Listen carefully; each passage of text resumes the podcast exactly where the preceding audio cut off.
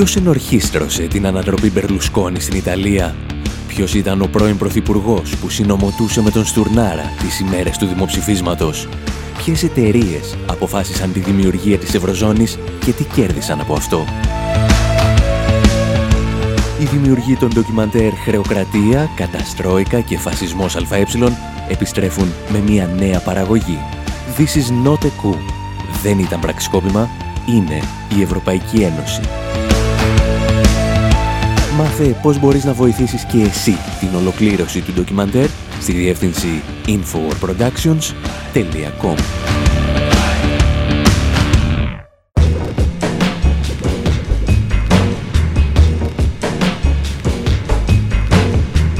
όπου σήμερα πάμε σινεμά και βλέπουμε καμπόικα. Αναρωτιόμαστε τι σχέση έχουν οι μισητοί 8 του Ταραντίνο με τους πρέτορες Ουρμπάνι του Μπαρακ Ομπάμα. Ζητάμε τη βοήθεια του Σέρτζιο Λεόνε και αυτός μας σερβίρει μια μεγάλη μερίδα σπαγγέτι western συντροφιά με τον Μάο Τσετούγκ. Υποπτευόμαστε ότι οι σκηνοθέτες των Ιταλικών western ήταν σε μεγάλο βαθμό αναρχικοί και κομμουνιστές και αντί να γράφουν για μπιστολίδια, διάβαζαν Μπακούνιν και Μάρξ. Hey little apple blossom, what seems to be the problem? All the ones you tell your troubles to,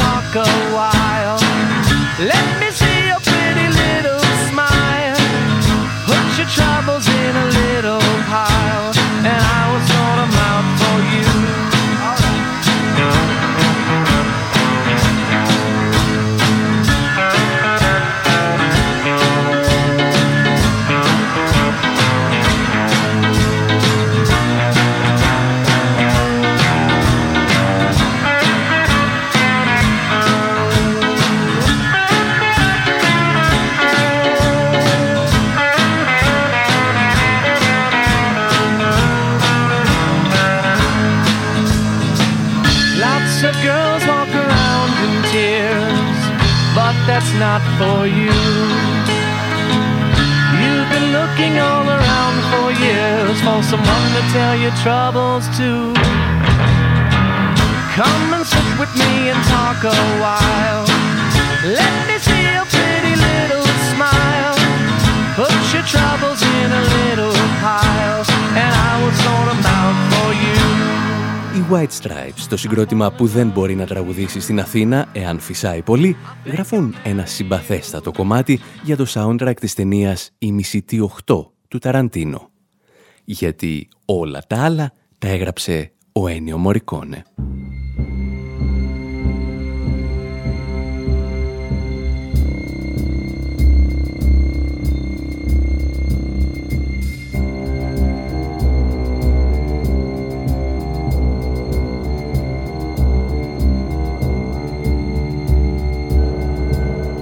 Μισητή 8 ήταν πιθανότατα μία από αυτές τις ταινίες με τις οποίες βγήκαμε από τον κινηματογράφο και δεν ξέραμε αν μας άρεσε. Με πιθανότερη απάντηση να μην μας άρεσε.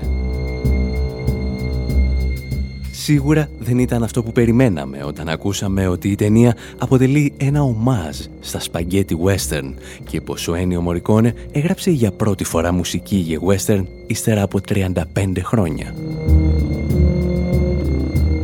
Ομολογουμένος ένας από τους βασικούς λόγους που μας τράβηξαν την προσοχή ήταν ότι τα περισσότερα συνδικάτα αστυνομικών στις Ηνωμένες Πολιτείες αποφάσισαν να μποϊκοτάρουν την ταινία όταν ο Ταραντίνο εμφανίστηκε σε μια συγκέντρωση και αποκάλεσε τους αστυνομικούς δολοφόνους. What am I doing here? I'm doing here because I am a human being with a conscience. And when I see murder... Ξέρετε γιατί είμαι εδώ. Βρίσκομαι εδώ γιατί είμαι άνθρωπος και έχω συνείδηση. Όταν λοιπόν βλέπω ένα φόνο, δεν μπορώ να στέκομαι αμέτωχος. Πρέπει να αποκαλέσω το δολοφονημένο δολοφονημένο και τους δολοφόνους δολοφόνους.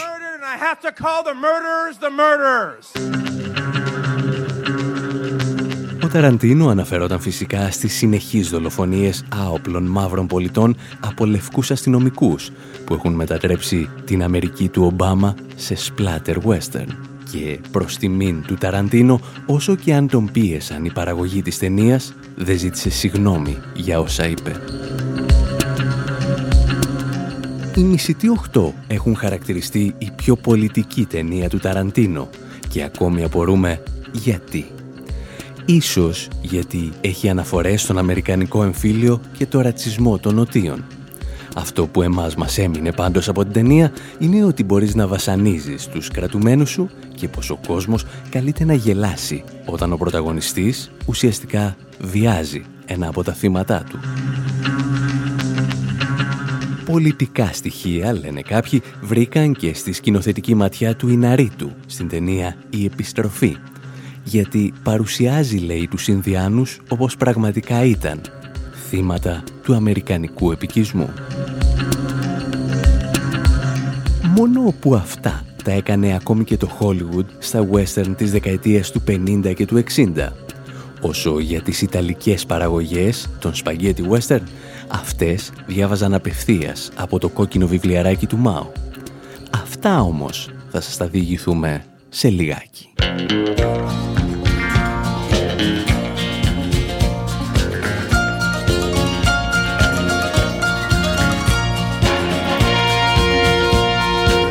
Cowboy went riding out one dark and windy day.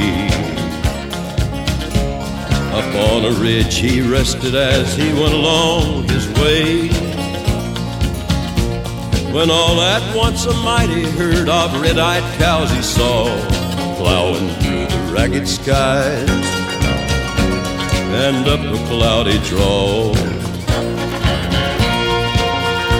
Their brands were still on fire and their hooves made of steel. Their horns were black and shiny and their hot breath he could feel. A bolt of fear went through him as they thundered through the sky, for he saw the riders coming hard, and he heard their mournful cry. Yippee-i-oh!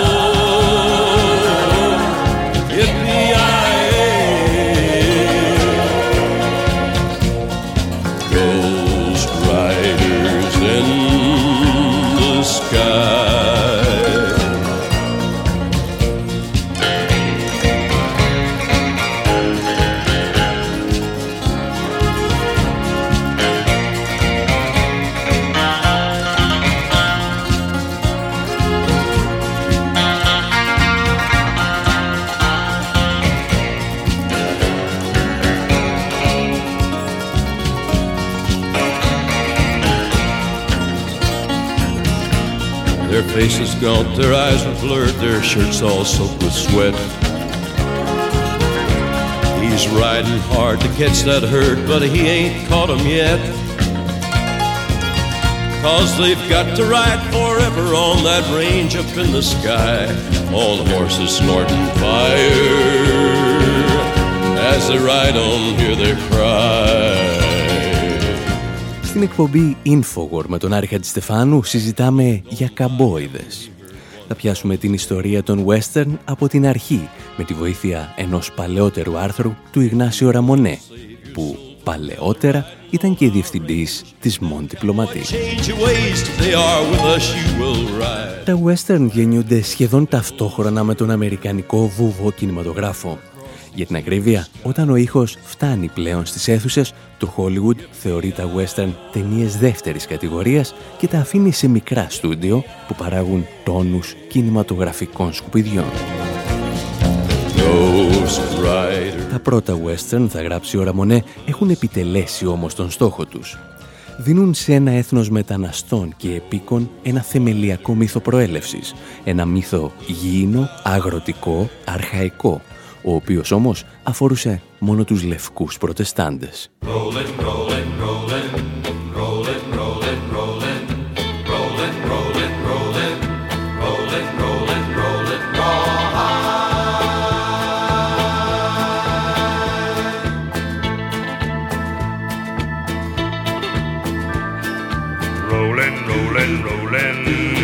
Streams are swollen. Keep them doggies rolling raw hard.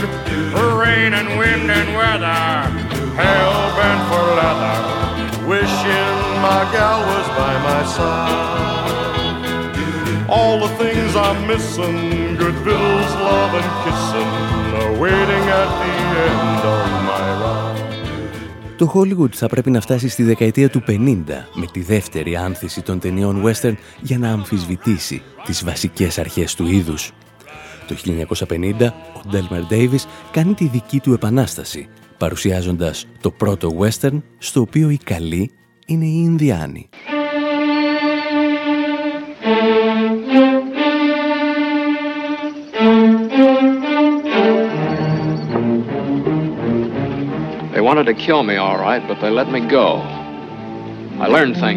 Ήθελα να με σκοτώσουν, αλλά με άφησαν ελεύθερο. Έμαθα πολλά εκείνη την ημέρα. Οι μητέρες των Απάτσι κλαίνε για τα παιδιά τους. Οι άντρες φίλης ξέρουν την έννοια της δικαιοσύνης.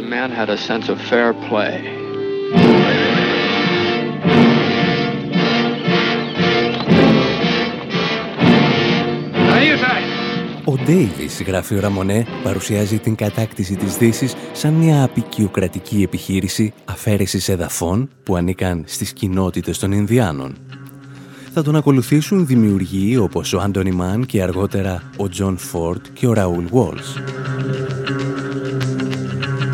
Η δεύτερη μεγάλη μάχη αφορά τον περίφημο ηρωικό πατριωτισμό των ανδρών των ταινιών western και εδώ η επανάσταση έρχεται από τον Τζον Χιούστον το 1951 με την ταινία «Νικηφόρα επέλαση».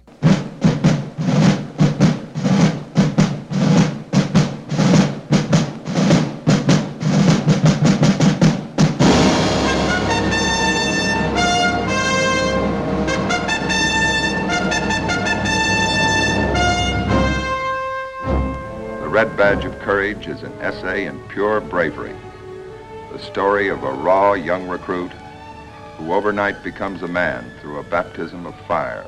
Η ταινία αφορά τον Αμερικανικό εμφύλιο. Η Μέτρον Γκόλντεν Μάιερ θέλει τότε μια υπερπαραγωγή για να τιμήσει τα αγόρια του Αμερικανικού στρατού που πολεμούν στην Κορέα. Γι' αυτό επιλέγει για τον βασικό ρόλο τον Όντι Μέρφυ, τον πλέον παρασημοφορημένο Αμερικανό ήρωα του Δευτέρου Παγκοσμίου Πολέμου.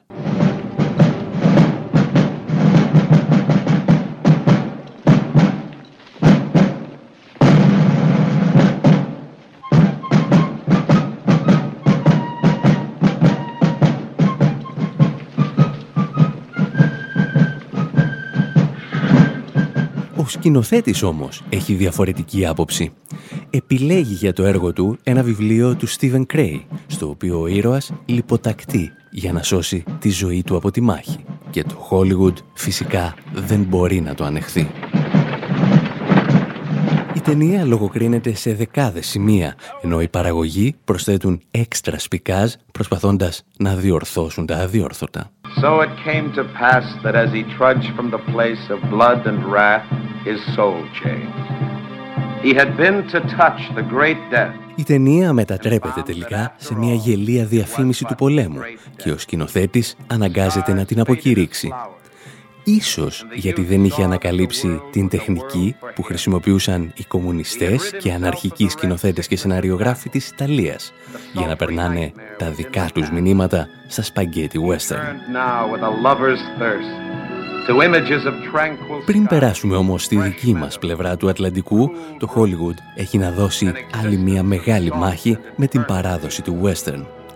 Κάποιοι αποφασίζουν να αμφισβητήσουν ακόμη και τον ανδρισμό του Αμερικανού γελαδάρη.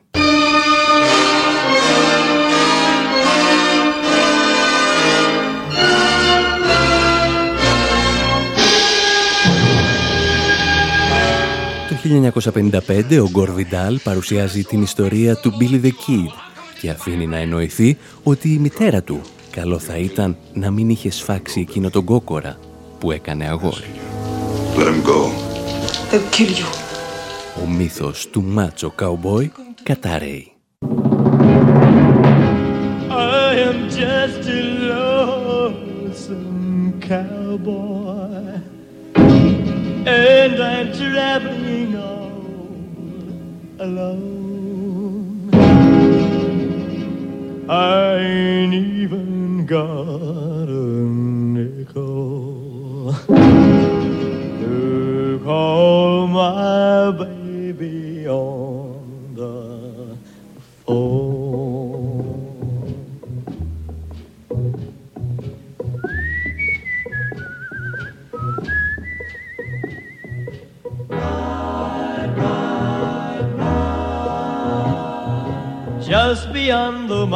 mountain lies a city, and I hear it calling me. Saddle up and ride, you lonesome cowboy. Here is where you'll find your Όσο και αν υποστηρίζει ο Elvis Presley ότι είναι ένας αρενοπός και μόνος καουμπόι, το πρότυπο του γελαδάρι έχει υποστεί ανεπανόρθωτη ζημιά. Κάτι σαν να υποστηρίζεις ότι ο Μέγας Αλέξανδρος προτιμούσε τον ηφαιστίωνα από την ετέρα Καλίξινα που του πλάσαρε η μαμά Ολυμπιάδα.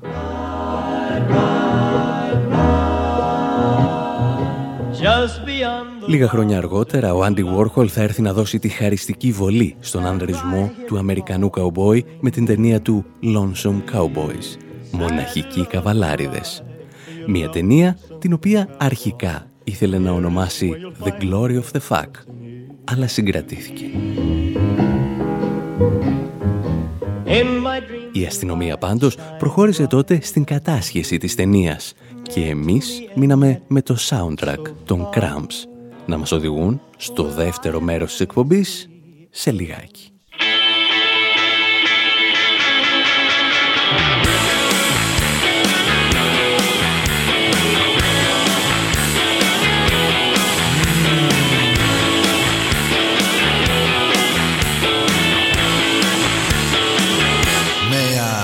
This dance? Can I get in your pants? Ooh, may I squeeze on them shoes? Huh? Sing maybe some blues. I wanna wear your raincoat, dance around the house. Ooh, your leopard skin and chain tote has got me so aroused. Baby, you got the clothes, baby, you got romance. You got the moves, so while I got the chance, I wanna get in your pants. I wanna get in your pants. Ooh, I wanna get in your pants. Yeah, I wanna get in your pants. Yes, I do.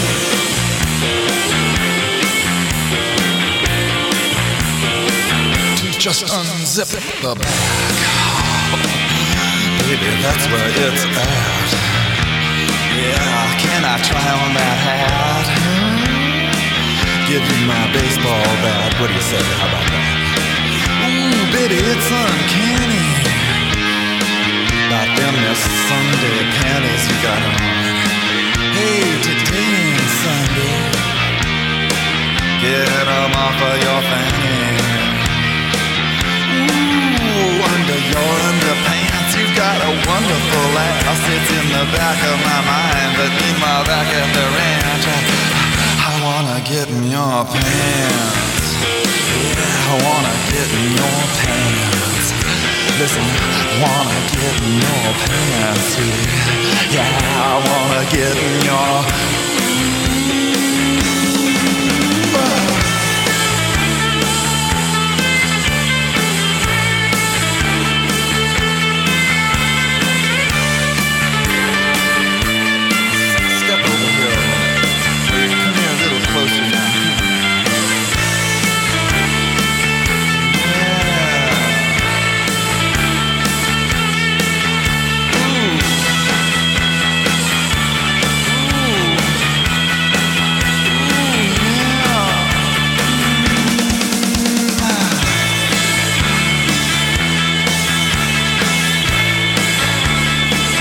I'm in a band.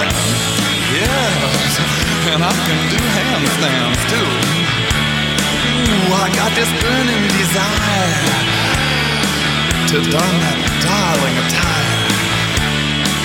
How that elastic snaps against my kneecaps. Ooh, I wanna wiggle into your powdered rubber skin.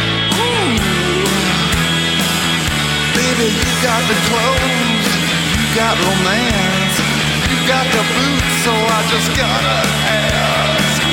Can I get in your pants? Can I get in your pants?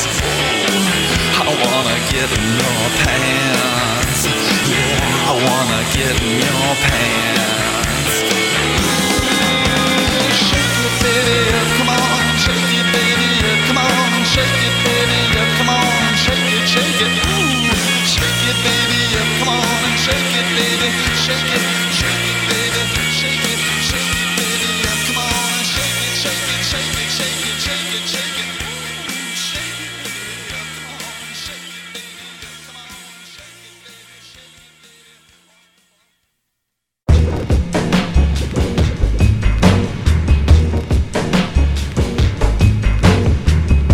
Εκπομπή Infowar, μέρος δεύτερο. Όπου γεμίζουμε τα εξάσφαιρά μας και πηγαίνουμε σινεμά. Υποστηρίζουμε ότι αν κάποιοι βρίσκουν πολιτικά μηνύματα στην ταινία «Η μισητή 8» του Ταραντίνο, θα γέμιζαν ολόκληρα βιβλία, ακόμη και με τα καουμπόικα της δεκαετίας του 50, αν τα είχαν δει με προσοχή. Και ακόμη δεν έχουμε φτάσει στην πατρίδα του πολιτικού western, την Ιταλία. Why do we do this, CG and I? Every night, vegetables, minds numbed by THC. I've got my pen, CG the remote. Laurel and Hardy's the best bet at 4 a.m. on a Friday. No dreads about the working day after, though. Funny thing about weekends when you're unemployed, they don't mean quite so much, since you get to hang out with your working friends. We got a spaghetti western here on 36. I like spaghetti. I like the way the boots are all reverbed out walking across the hardwood floor. In fact, everything's got that big reverb sound. Well, what do I do now? Go to sleep? Pull the plug? We need new pornos. Guess I'm still writing. Οι Αμερικανοί πράιμους από το Σαν Φρανσίσκο υποστηρίζουν ότι ένα από τα προβλήματα της ανεργίας είναι πως τα Σαββατοκύριακα δεν έχεις τίποτα διαφορετικό να κάνεις σε σχέση με τις υπόλοιπες ημέρες της εβδομάδας.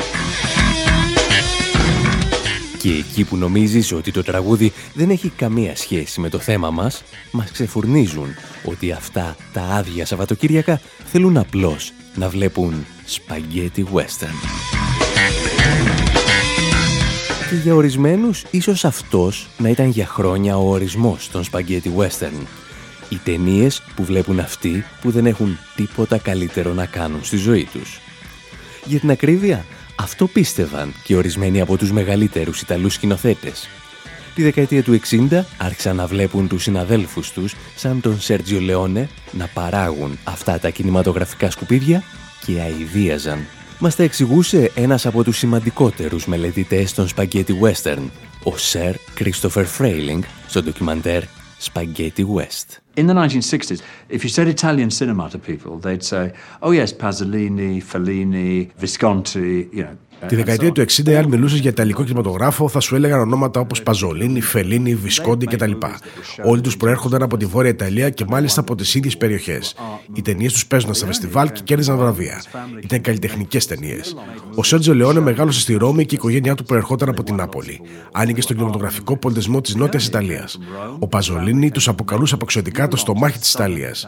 Η Τσινετσιτά έλεγε ξεβράζει όλες αυτές τις ταινίες για τις μάζες, άρτων και θεάματα. Ο Λεόνε όμως δεν είχε αυταπάτες γι' αυτό. pouring out these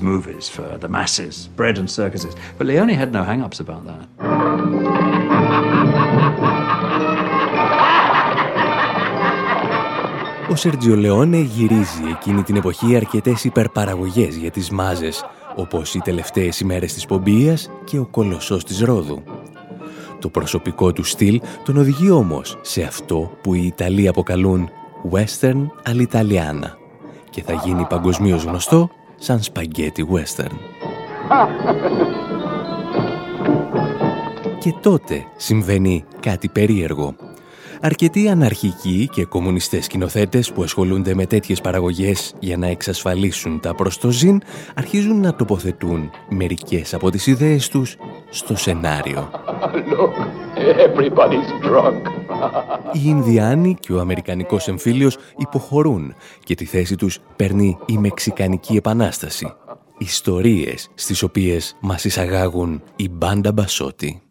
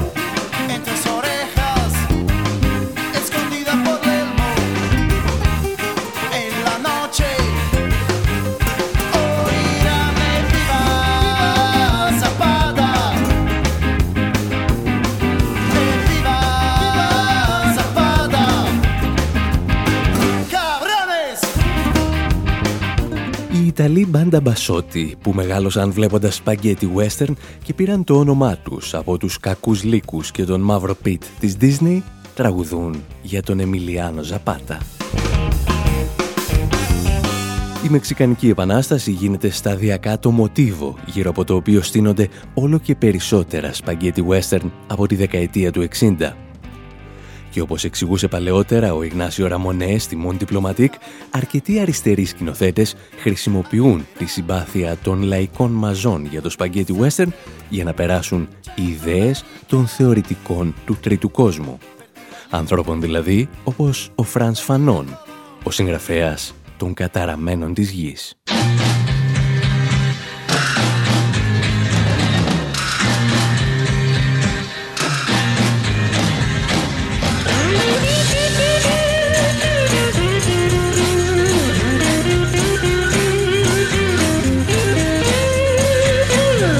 Must be some kind of way out of here.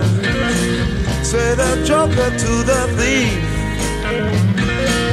There's too much confusion. I can't get no relief. Businessman there, drink my wine. Plowman,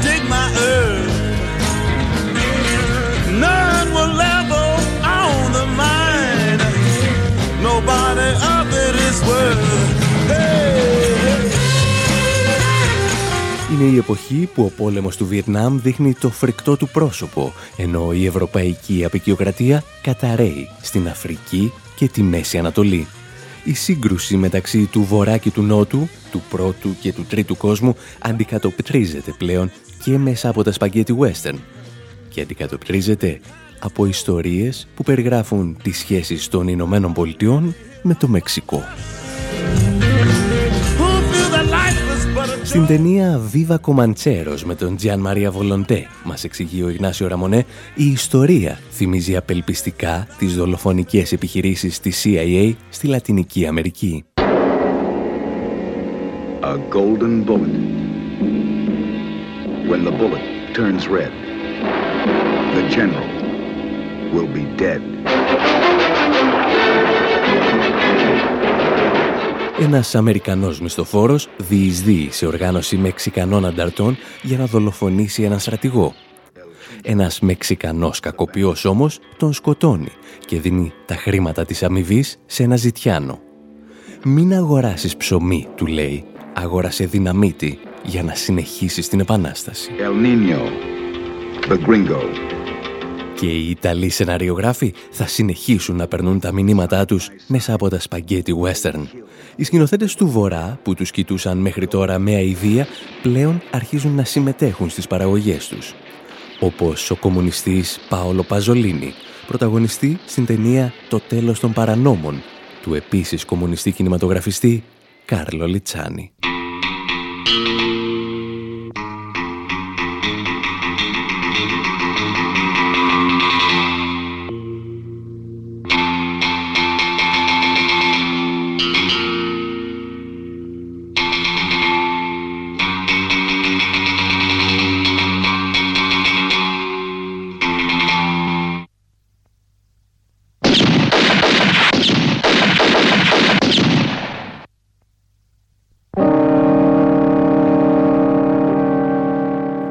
Ανάμεσα σε χοντρό μπιστολίδι, ο Παζολίνη υποδίεται έναν επαναστάτη ιερέα που μάχεται τους Αμερικάνους χρηματιστές, όχι με το λόγο του Θεού, αλλά με την κάνη του όπλου του. Και ακόμη, όπως θα έλεγε και ο Αμερικανός καουμπόι Ρόναλντ Ρίγκαν, δεν έχετε δει τίποτα. Γιατί όταν τελείωναν οι κομμουνιστές σκηνοθέτες και σεναριογράφοι, το λόγο έπαιρναν οι αναρχικοί. Λεπτομέρειες εντός ολίγου.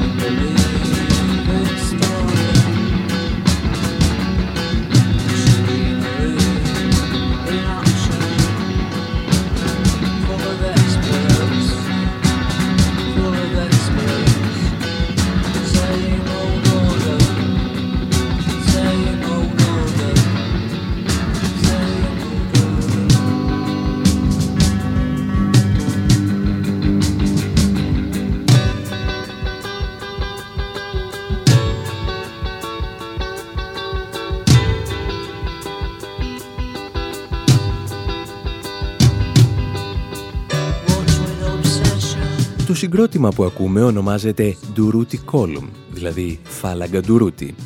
Και παρά το γεγονός ότι τους θεωρούμε απελπιστικά βαρετούς, το όνομά τους θα μας χρειαστεί στη συνέχεια της εκπομπής. Γιατί εδώ, στην εκπομπή Infowar με τον Άρη Χατζηστεφάνου, αναζητούμε καλά κρυμμένα μηνύματα σε ταινίες spaghetti western. Συνεργάτης μας στο έγκλημα, ένα άρθρο του Ιγνάσιο Ραμονέ για την πολιτική ιστορία αυτού του τόσο παρεξηγημένου κινηματογραφικού είδους.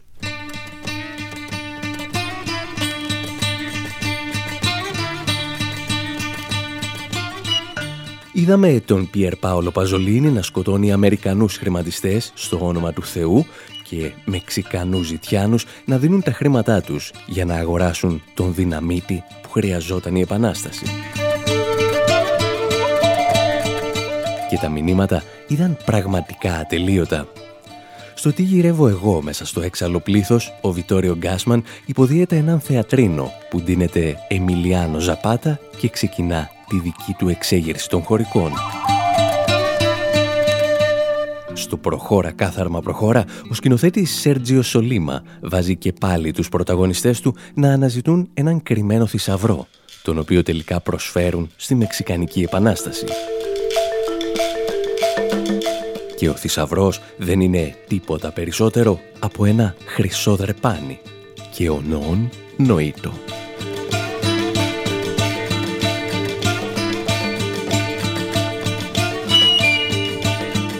Οι Ιταλοί σκηνοθέτες πάντως μπορεί να αναγκάζονται να κρύβουν την ιδεολογία τους ανάμεσα στη σκόνη που σηκώνουν τα άλογα των σπαγκέτι western, αλλά το κάνουν με σχετική ασφάλεια.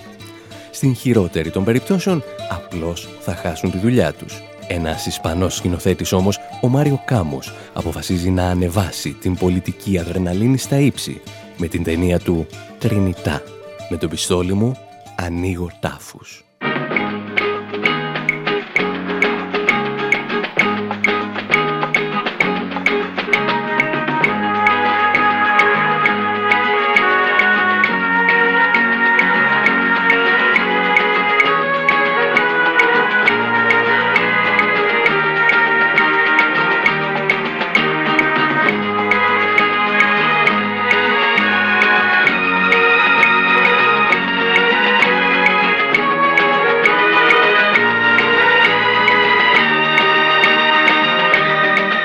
Ταινία πρωταγωνιστεί ο Τέρενς Χιλ, που μάλλον τον θυμάστε να ρίχνει σφαλιάρες μαζί με τον Μπατ Σπένσερ. Το σενάριο όμως έχει ένα μικρό προβληματάκι. Η ιστορία δεν λαμβάνει χώρα στον Αμερικανικό Νότο ή στο Μεξικό, αλλά στην Ανδαλουσία. Ένας γεωκτήμονας προσλαμβάνει τον πρωταγωνιστή για να δολοφονήσει έναν αναρχικό ηγέτη, ο οποίος καλεί τους μικρούς χωρικούς σε εξέγερση.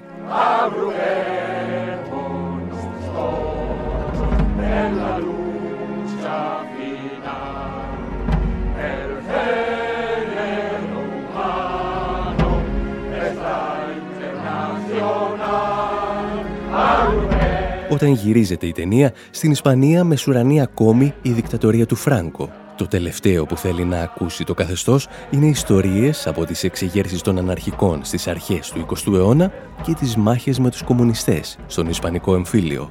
Ο Μάριο Κάμους όμως κάνει ακριβώς αυτό.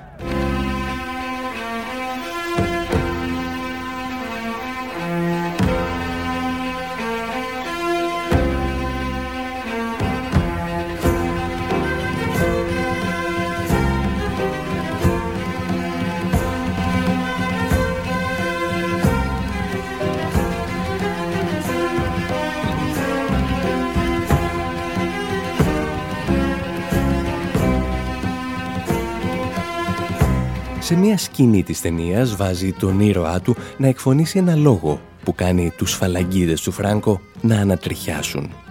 Είναι τα λόγια του αναρχικού επαναστάτη Μπουεναβεντούρα Ντουρούτη στην τελευταία συνέντευξη που έδωσε στη ζωή του. Ο δημοσιογράφος τον είχε ρωτήσει τότε τι νόημα έχει η Επανάσταση εάν πίσω της αφήσει ερήπια. Και αυτός απάντησε με μία φράση την οποία εμείς ακούσαμε μέσα από ένα σπαγκέτι western. Fuimos nosotros quienes construimos en Europa, en América y en todas partes palacios y ciudades. Μην ξεχνάτε ότι ξέρουμε και εμείς να χτίζουμε. Εργάτες έφτιαξαν τα παλάτια και τις πόλεις στην Ευρώπη, την Αμερική και κάθε γωνιά του κόσμου. Δεν φοβόμαστε λοιπόν τα ερήπια. Εμείς θα κληρονομήσουμε τη γη και μην έχετε την παραμικρή αμφιβολία γι' αυτό. Η αστική τάξη μπορεί να ανατινάξει τον δικό της κόσμο εγκαταλείποντας τη θέση της στην ιστορία. Άρα εμείς κουβαλάμε τον καινούριο κόσμο στις καρδιές μας. Pero nosotros llevamos un mundo nuevo en nuestros corazones.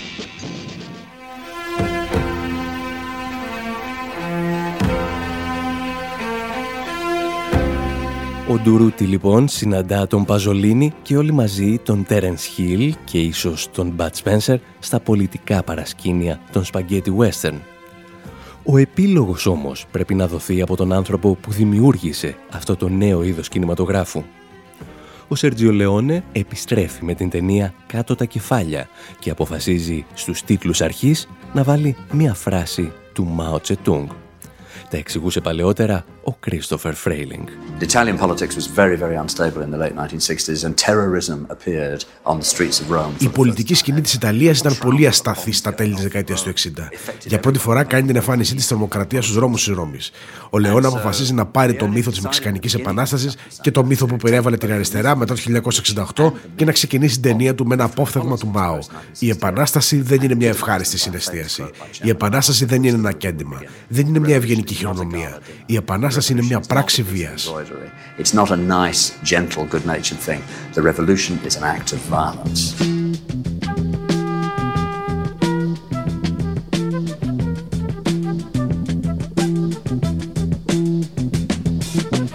You will not be able to stay home, brother. You will not be able to plug in, turn on, and cop out. You will not be able to lose yourself on Skag and skip out for beer during commercials because the revolution will not be televised. The revolution will not be televised. The revolution will not be brought to you by Xerox in four parts without commercial interruptions. The revolution will not show you pictures of Nixon blowing a bugle and leading a charge by John Mitchell, General Abrams, and Spyro Agnew to eat hog maws confiscated from a Harlem sanctuary. The revolution will not be televised. Revolution will not be brought to you by the Schaefer Award Theater and will not star Natalie Woods and Steve McQueen or Bullwinkle and Julia.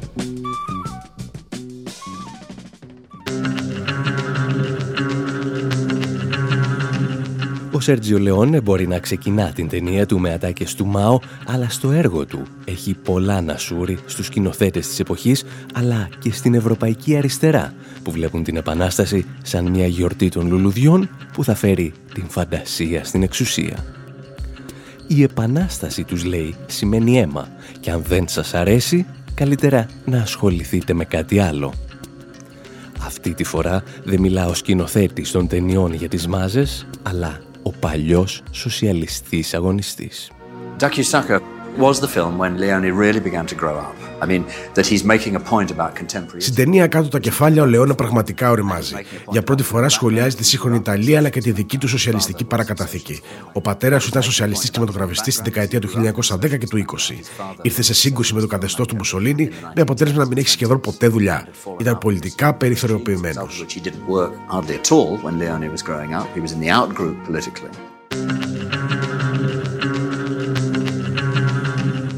Όποια και αν είναι πάντως η θέση του Σέρτζιο Λεόνε απέναντι στην Ιταλική και την Ευρωπαϊκή αριστερά, υπάρχει ένα μέτωπο στο οποίο τους ήθελε όλους μαζί να συμμαχίσουν. Η μάχη απέναντι στα απομεινάρια του φασισμού. Ducky Sucker was made during the time when Italian cinema, Italian theatre, Italian literature was rethinking its relationship with... Η ταινία κάτω τα κεφάλια γυρίστηκε σε μια περίοδο που ο Ιταλικός κινηματογράφος, το θέατρο και η λογοτεχνία προσπαθούσαν να επαναπροσδιορίσουν τις σχέσεις τους με τον φασισμό αλλά και την ναζιστική κατοχή της Ρώμης τη δεκαετία του 40. Υπάρχουν αναφορές στα στρατόπεδα συγκέντρωσης. Υπάρχουν αναφορές στην περιβόητη σφαγή που πραγματοποίησαν τα SS στη Ρώμη το 1944. Σε αντίπειρα μια βομβιστικής επίθεσης έσφαξαν 330 μάχους και τους έδαψαν σε μια σπηλιά στην άκρη μιας μεγάλης λεωφόρου. Ο Λεόνε αναφέρεται σε αυτήν την ιστορία παρουσιάζοντας τη σφαγή σε μια σπηλιά στην ταινία του. Στην ταινία υπάρχει επίσης ένας νεαρός άνδρας που μοιάζει με τον Μουσολίνη. Τον στείλουν στον τοίχο και τον εκτελούν. Νομίζω αυτό θα ήθελε να κάνει και το κοινό της ταινίας. Sucker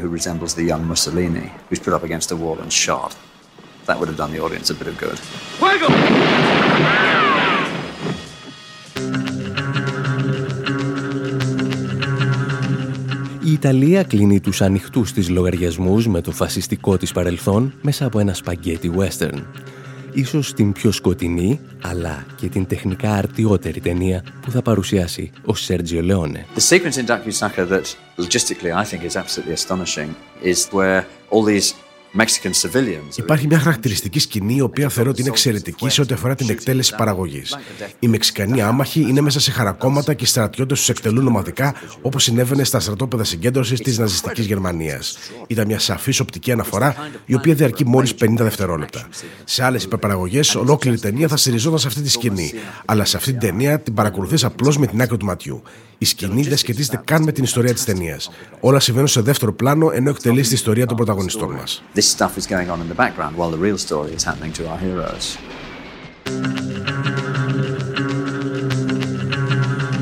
Ο Σέρτζιο Λεόνε λοιπόν στριμώχνει σε μία ταινία, τον Μάο με τον Μουσολίνη, τη Μεξικανική Επανάσταση και την τρομοκρατία.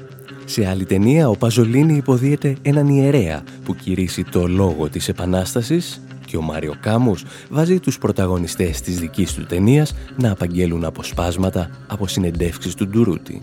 Και ύστερα ορισμένοι υποστηρίζουν ότι οι ταινίες του Ταραντίνο έχουν λέει και πολιτικό περιεχόμενο.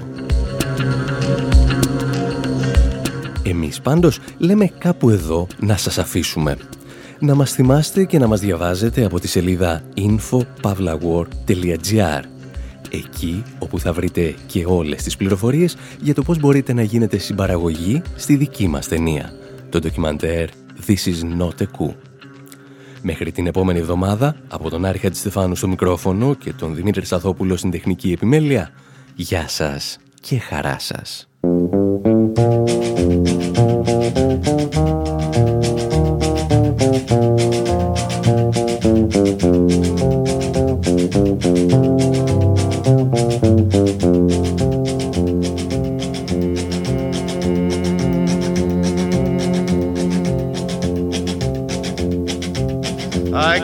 Close watch on this heart of mine. I keep my eyes wide open all the time. I keep the ends out for the tie that binds. Because you're mine, I walk the line.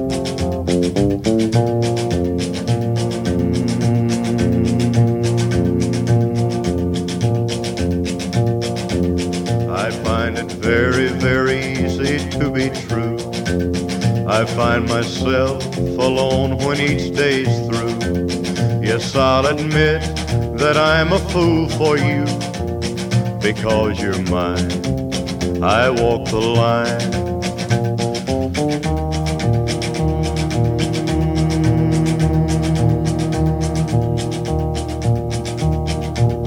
As sure as night is dark and day is light, I keep you on my mind both day and night. And happiness I've known proves that it's right because you're mine. I walk the line.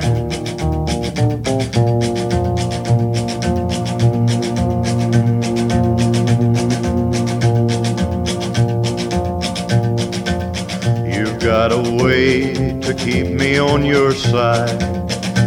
Give me cause for love that I can't hide. For you, I know I'd even try to turn the tide. Because you're mine, I walk the line.